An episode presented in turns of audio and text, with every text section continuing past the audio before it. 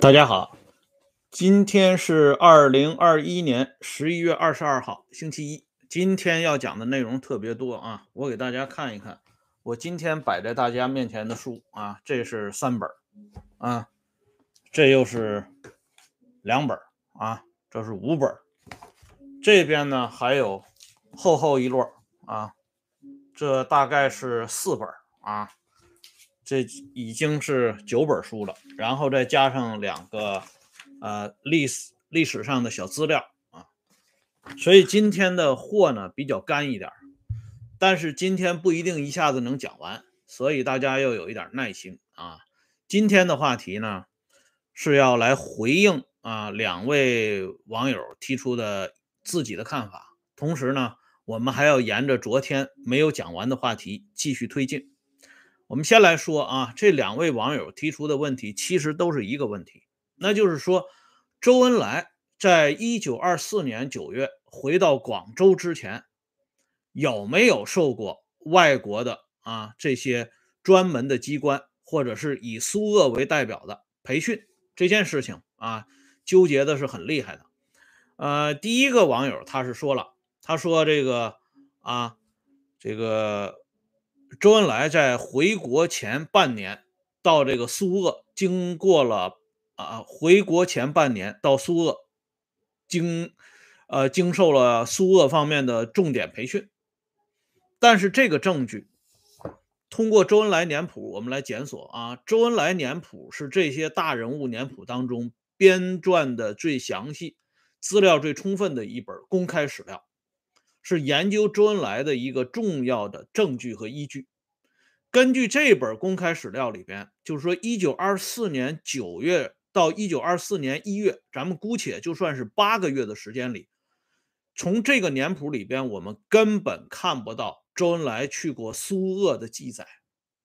因为当时啊，周恩来已经接受了国民党方面派来的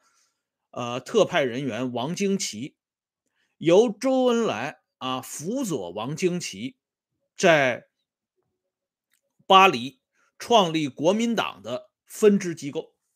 哎，那个时候呢，因为国共合作已经全面推开了，而且这个时候啊，周恩来二零一九二四年一月到九月，他的大部分活动都有人跟随，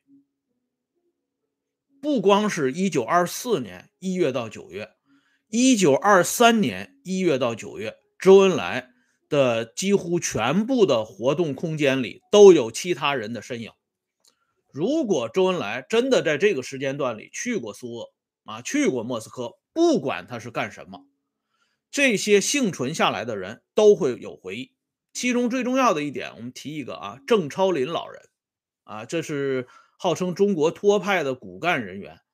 他就专门讲过一个啊。事实就是，当初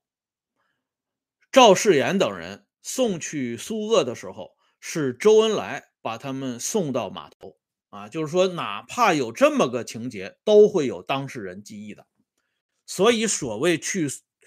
苏鄂培训半年这件事情，在周恩来回国之前是根本没有发生过的。那么，这个朋友呢，他还说了一句话，他说：“周恩来这么精细的人。”连骨灰啊都不肯留，那么这些痕迹呢，他肯定会啊把它消灭的一干二净。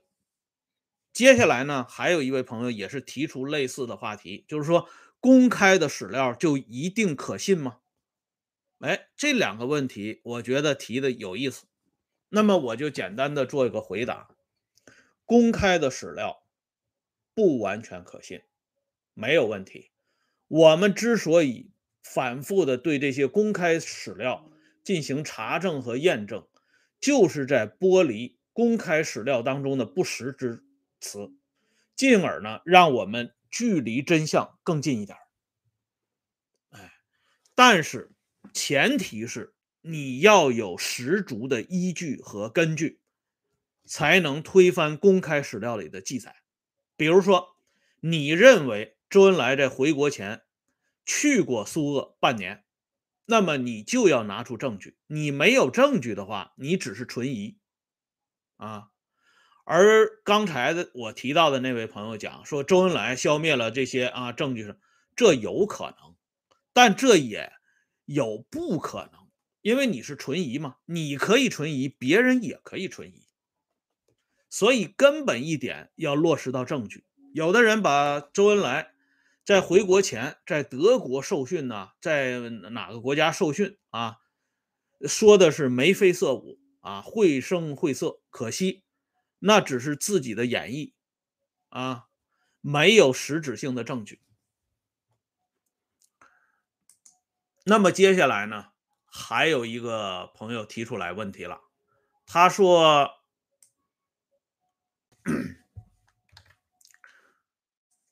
周恩来手下的两个人，一个是陈赓，一个是顾顺章，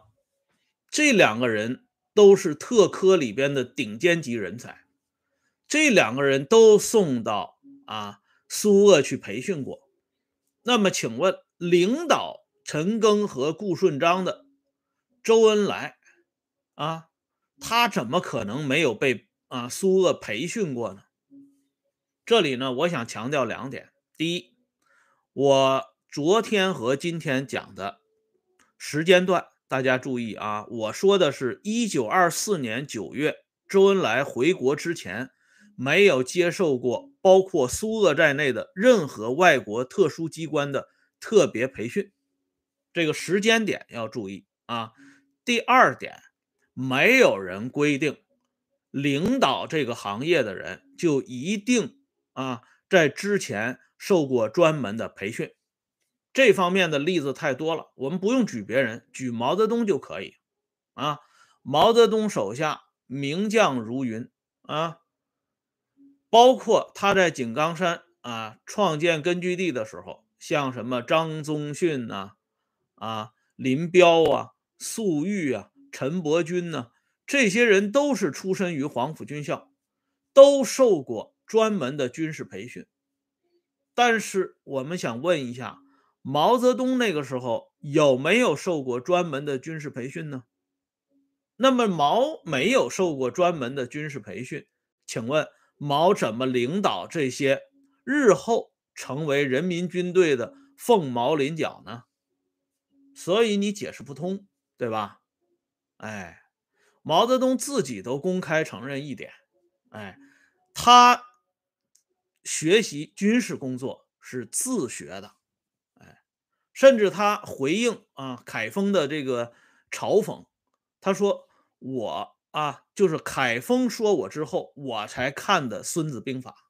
之前他连《孙子兵法》都没有看过。”所以这一点奇怪吗？另外，我还要举一个细节，昨天没有提到的，就是说，当时啊，共产国际是成立在一九一九年，他这个组织是相当松散的。一开始是相当松散的，哎，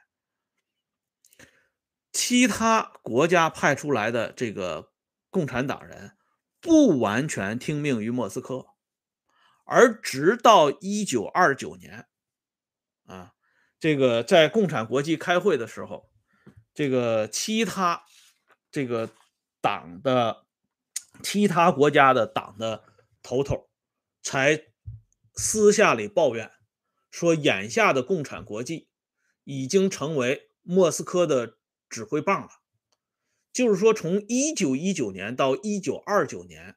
莫斯科也是花了十年时间，才把共产国际变成自己的啊，真正能够如臂使指的一个拳头。而在周恩来啊一开始旅居在法国、德国、英国这段时间里。共产国际没有那么大的力量，也没有那么大的人力资源，去专门培训这么几个中国人。啊，当时莫斯科筹建的东劳啊，就是东方共产主义劳动大学，这是专门为啊筹建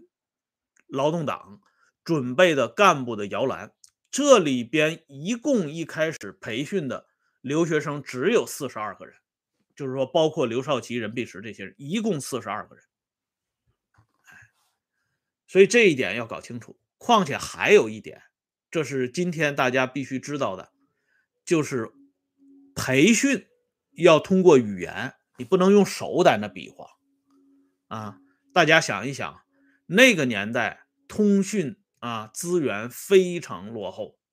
啊，手段非常一般，周恩来的外语能不能够啊熟练到一听就会、一学就会的地步呢？啊，就算他天资聪颖，他这个语言关有没有过呢？这一点，周恩来年谱里边是有过专门记载的。周恩来在六十年代、七十年代都是公开跟别人讲。他学的日语啊，他的英语、法语、德语是一句不会啊。哎，他到德国的时候，他是住在朋友家里的，哎，他的外语都还给老师了。这是周恩来说的原话，而且不光是周恩来自己说啊，当年啊，美国总统派过一个著名的啊专家人物，在一九四一年和一九四二年来到中国的时候，与周恩来专门进行接触。这个人讲一口流利的中文，他私下里问过周恩来啊，当时没有翻译在场的时候，他专门问过周恩来，他说。我们两个用英语或者法语直接交谈好不好？因为我知道你在英国和法国都待过。周恩来当时对这位啊美国人说的原话是：“我的英语法语不行，我们还是用中文交谈。”这个人日后专门写了回忆录出版啊，所以就是说，周恩来当时的语言能力也不足以接受啊。回国前的这个培训，那么好了，现在呢就回到另外一个话题。有人说了，罗清长啊，国务院副秘书长，主持过中央调查部全面工作的罗清长说过啊，咱们党和红军的第一份密码就是豪密，就是以周恩来的名字命名的，而第一个译电员呢。就是邓颖超啊，这两件事都跟周恩来、邓颖超两口子有直接的关系。那你怎么解释周恩来没有接受过苏俄的专门培训呢？因为密码这个东西不是专业的人，他是编不出来的，没错。但是你要搞清楚一点啊，这个豪密是以周恩来的名字命名的。但不代表是周恩来编制的。关于这一点，我们看一个最权威的史料：红军的耳目与神经。这是通讯兵回忆录啊，其中有一个人叫张沈川，张沈川、李强、毛其华、涂作曹这四个人是除开啊。红色根据地王征等人，王征是因为这个第一次反围剿的时候从国民党那里俘虏过来的，而我刚才说说的这四个人，是啊，我们自己亲手培养的，送到苏联去学习的，是无线电这个行业里的老四位老大，你叫他四大金刚也可以啊。这四个人后来呢，除了涂作朝以外，都做到了相当显赫的位置。张沈川本人回忆，一九二八年，我们党才开始培训无线电通信技术人员，是在国内国外分别进行的，由周恩来同志倡议和领导的。记住时间啊，一九二八年，而不是一九二四年九月之前。而张沈川的回忆、李强的回忆都证实一点：这个密码，张沈川的原原话是这么说的啊。张沈川说：“我们用的两种密码都是我自己编的，一种是汉字明码颠倒更换，另一种是英文字母转换成阿拉伯字母变成汉字密码使用的。”啊，这是张沈川。回忆的原文：地下无线电波刊载于《通信兵回忆史料》第一册第九页啊，具体出处已经列出来了。如果你认为这个出处不可信，那么请你拿出来更可信的资料驳倒它，我非常欢迎。这就回应了第一种说法。那么第一个译电员呢，就是豪密的第一个译电员是邓颖超吗？不是，第一个译电员是陈崇英，就是任弼时的夫人。哎，所以这个历史啊，细节一定要搞清楚。搞不清楚细节，你在那里哇里哇啦谈的，那都是地摊儿啊，那是说书，那是演绎啊，《水浒传》也好，《三国演义》也好，你是当不得真的。哎，那么这样呢，我们再来看一点啊，陈赓和顾顺章确实受过这个苏鄂的培训，但是他的时间段是在哪里呢？我们来看一下，这是。木心，光明日报总编辑啊，木心为陈赓专门撰写的传记。这个传记里边披露，一九二六年七月，受党中央的委派，陈赓送到苏联专门学习政治保卫工作，就是所谓的特特工训练。那么，另外一本《中共党史人物传》第八十卷，有顾顺章的传记。顾顺章的传记里边也承认，一九二六年六七月间，陈赓、顾顺章等人被送去苏联进行特工培训。哎，这个我在周恩来、顾顺章与中央特科那个系列里边说的已经很清楚了啊，过多的我就不描述了。所以从这个例子里边，我们也可以看到，顾顺章和。陈赓被受训的时间是一九二六年六七月间，当时正是两党合作的蜜月期，而这个时间段里，不光是劳动党这边，周恩来这边派出人选，孙中山、廖仲恺那边啊，当时当然了，孙中山、廖仲恺这时候已经不在了啊，但是国民政府那边也派出专门的人员。到苏联学过特工训练，就是说，不光是劳动党，国民党也送去过。这是一个公开的啊，名正言顺的工作。而且送去的这些人，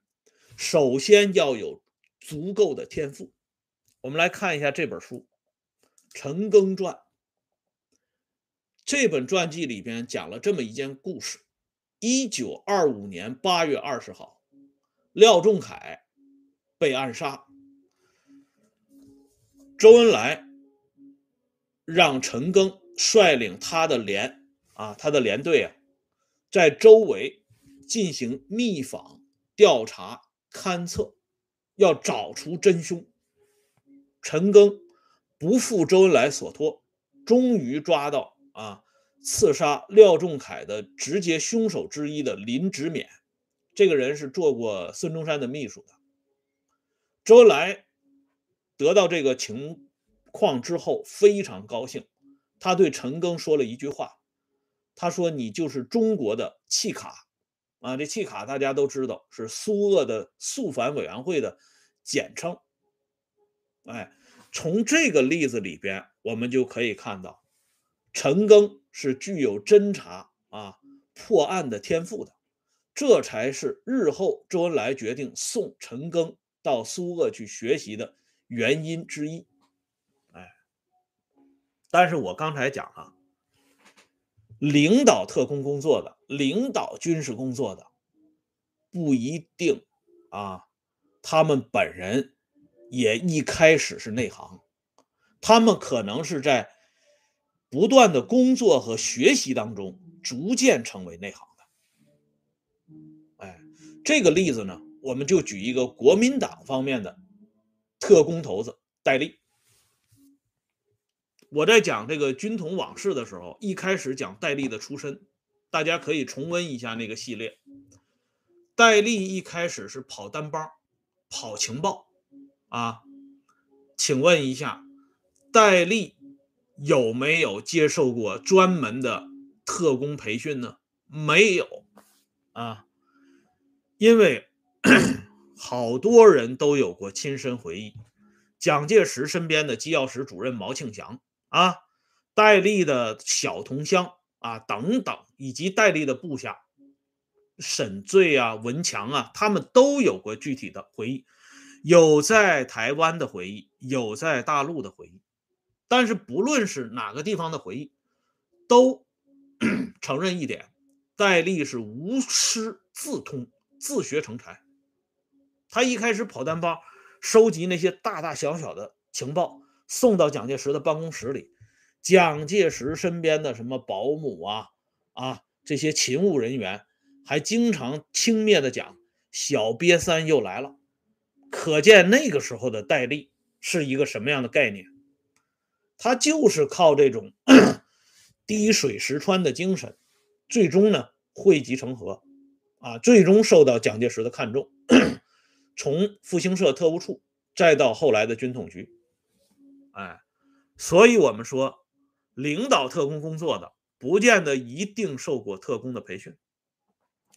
那么下面呢，我们再来介绍一下，为什么说周恩来在一九二四年九月回到啊广州之前，他不可能。接受过这个特工的培训呢，因为周恩来当时的实际地位非常之低啊。郑超林他们专门回忆过啊，周恩来和赵世炎这两个旅欧共产主义支部的这个头面人物，他们两个人入党的手续都不合格。换句话说呢？他们两个人是从青年团团员当中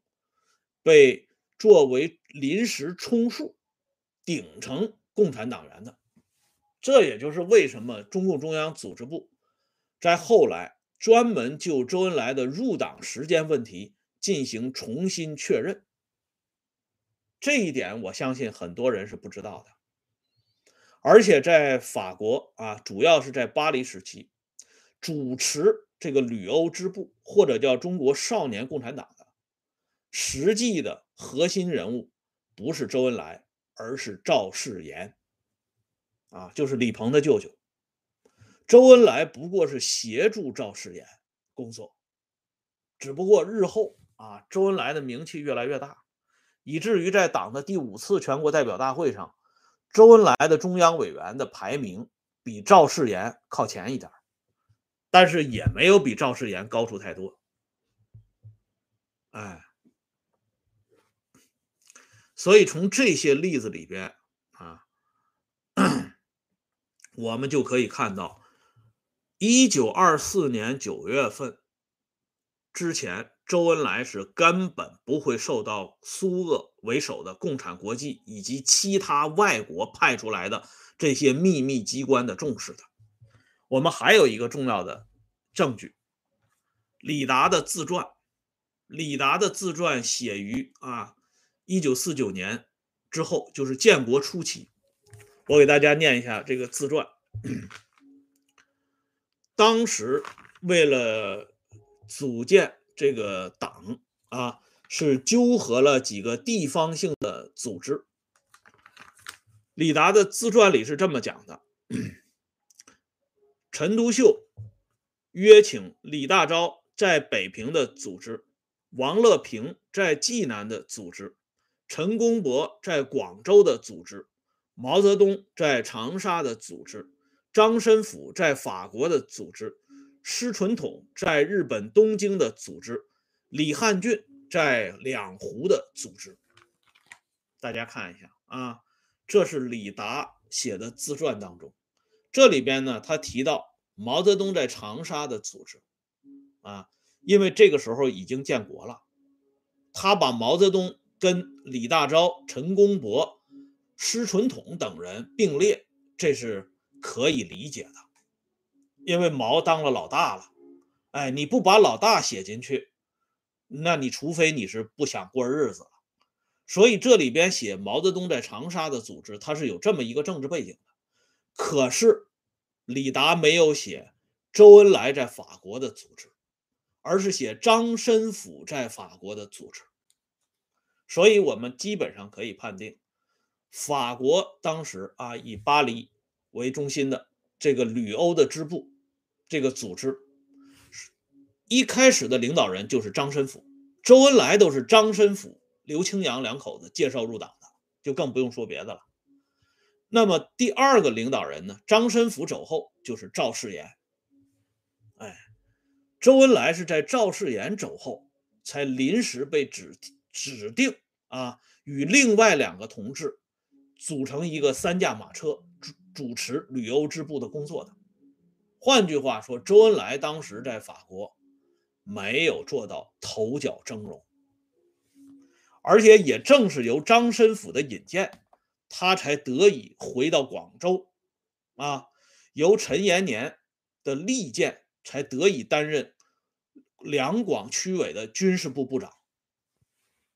哎，周恩来是这么回来的。而如果说周恩来与苏鄂发生直接关系，那是公元一九二八年四月份以后的事情了。而这个一九二八年四月份，大家记一下，刚才我给大家举这个例子，张沈川的回忆，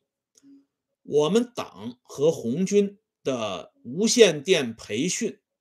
就是一九二八年开始的。换句话说，在周恩来一九二八年四月份以后去苏俄莫斯科参加党的第六次全国代表大会这个期间啊，这段时间里，周恩来有没有受过苏俄的培训，还真的值得考证一番。当然，这个考证我估计。依靠我们这边的史料肯定做不到了，要有苏鄂那边的史料或者是解密的史料才能作为支撑。而这个时间点与这个培训无线电技术这个时间点刚好吻合，哎，所以你一定要讲周恩来受过苏鄂的培训，这个时间点要从一九二八年四月份以后算起。而不是从一九二四年九月份之前算起。今天啊，花了一点时间讲了一点考证的东西，这个东西听起来很枯燥的啊，这个线头很多的，有些朋友刚刚听完肯定不能完全消化理解。我建议你再听一遍，哎，结果今天事前安排的这些话题呢，啊，一下子都没有完全顾及到，这也是没有办法的事情。因为这个话题不解释清楚，有些人还拿演绎传说当成历史，这是我这个私人节目啊，哪怕是历史票友说断断不能容忍的，这一点呢，也请大家包涵一下。刚才有个朋友说我讲的中央特科系列里边讲这个陈赓等人练过手枪打灯泡，那都是一九二六年六月七六月七月，陈赓和顾顺章。到苏鄂接受培训时候的事情，这是顾顺章的这个传记里边啊专门提到过的，哎，所以咱们说公开史料，要想驳倒这些公开史料的话，你要有更强的证据。在历史研究过程当中，啊，有一位乡村教师不是说吗？他说他最讨厌的就是考证和考据。你不考证不考据，你凭什么说这些结论呢？就像我们这个刑事警察办案子，你不去侦查啊，不去走访，不拿到第一手的资料，你怎么能找到啊犯罪嫌疑人的痕迹呢？怎么能寻找到这个案子的水落石出呢？啊，这是一条。还有一个，在历史考据过程当中，说不比说是难。因为说不，你要提供两倍甚至两倍以上的证据啊，所以下次大家再探讨周恩来在回国前是不是受过苏鄂培训的时候，希望能记住今天这期节目。好了，所有的解释今天这期都讲完了，感谢大家上来收看、收听和点赞，欢迎大家关注温相说时政会员频道。经常有更新，再见。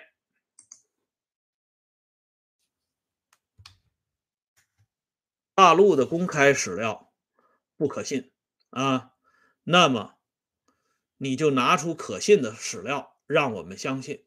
哎，这个道理很简单，无凭无据，口吐莲花，那不是研究历史人应有的态度啊。多余的话，咱咱们就不说了啊。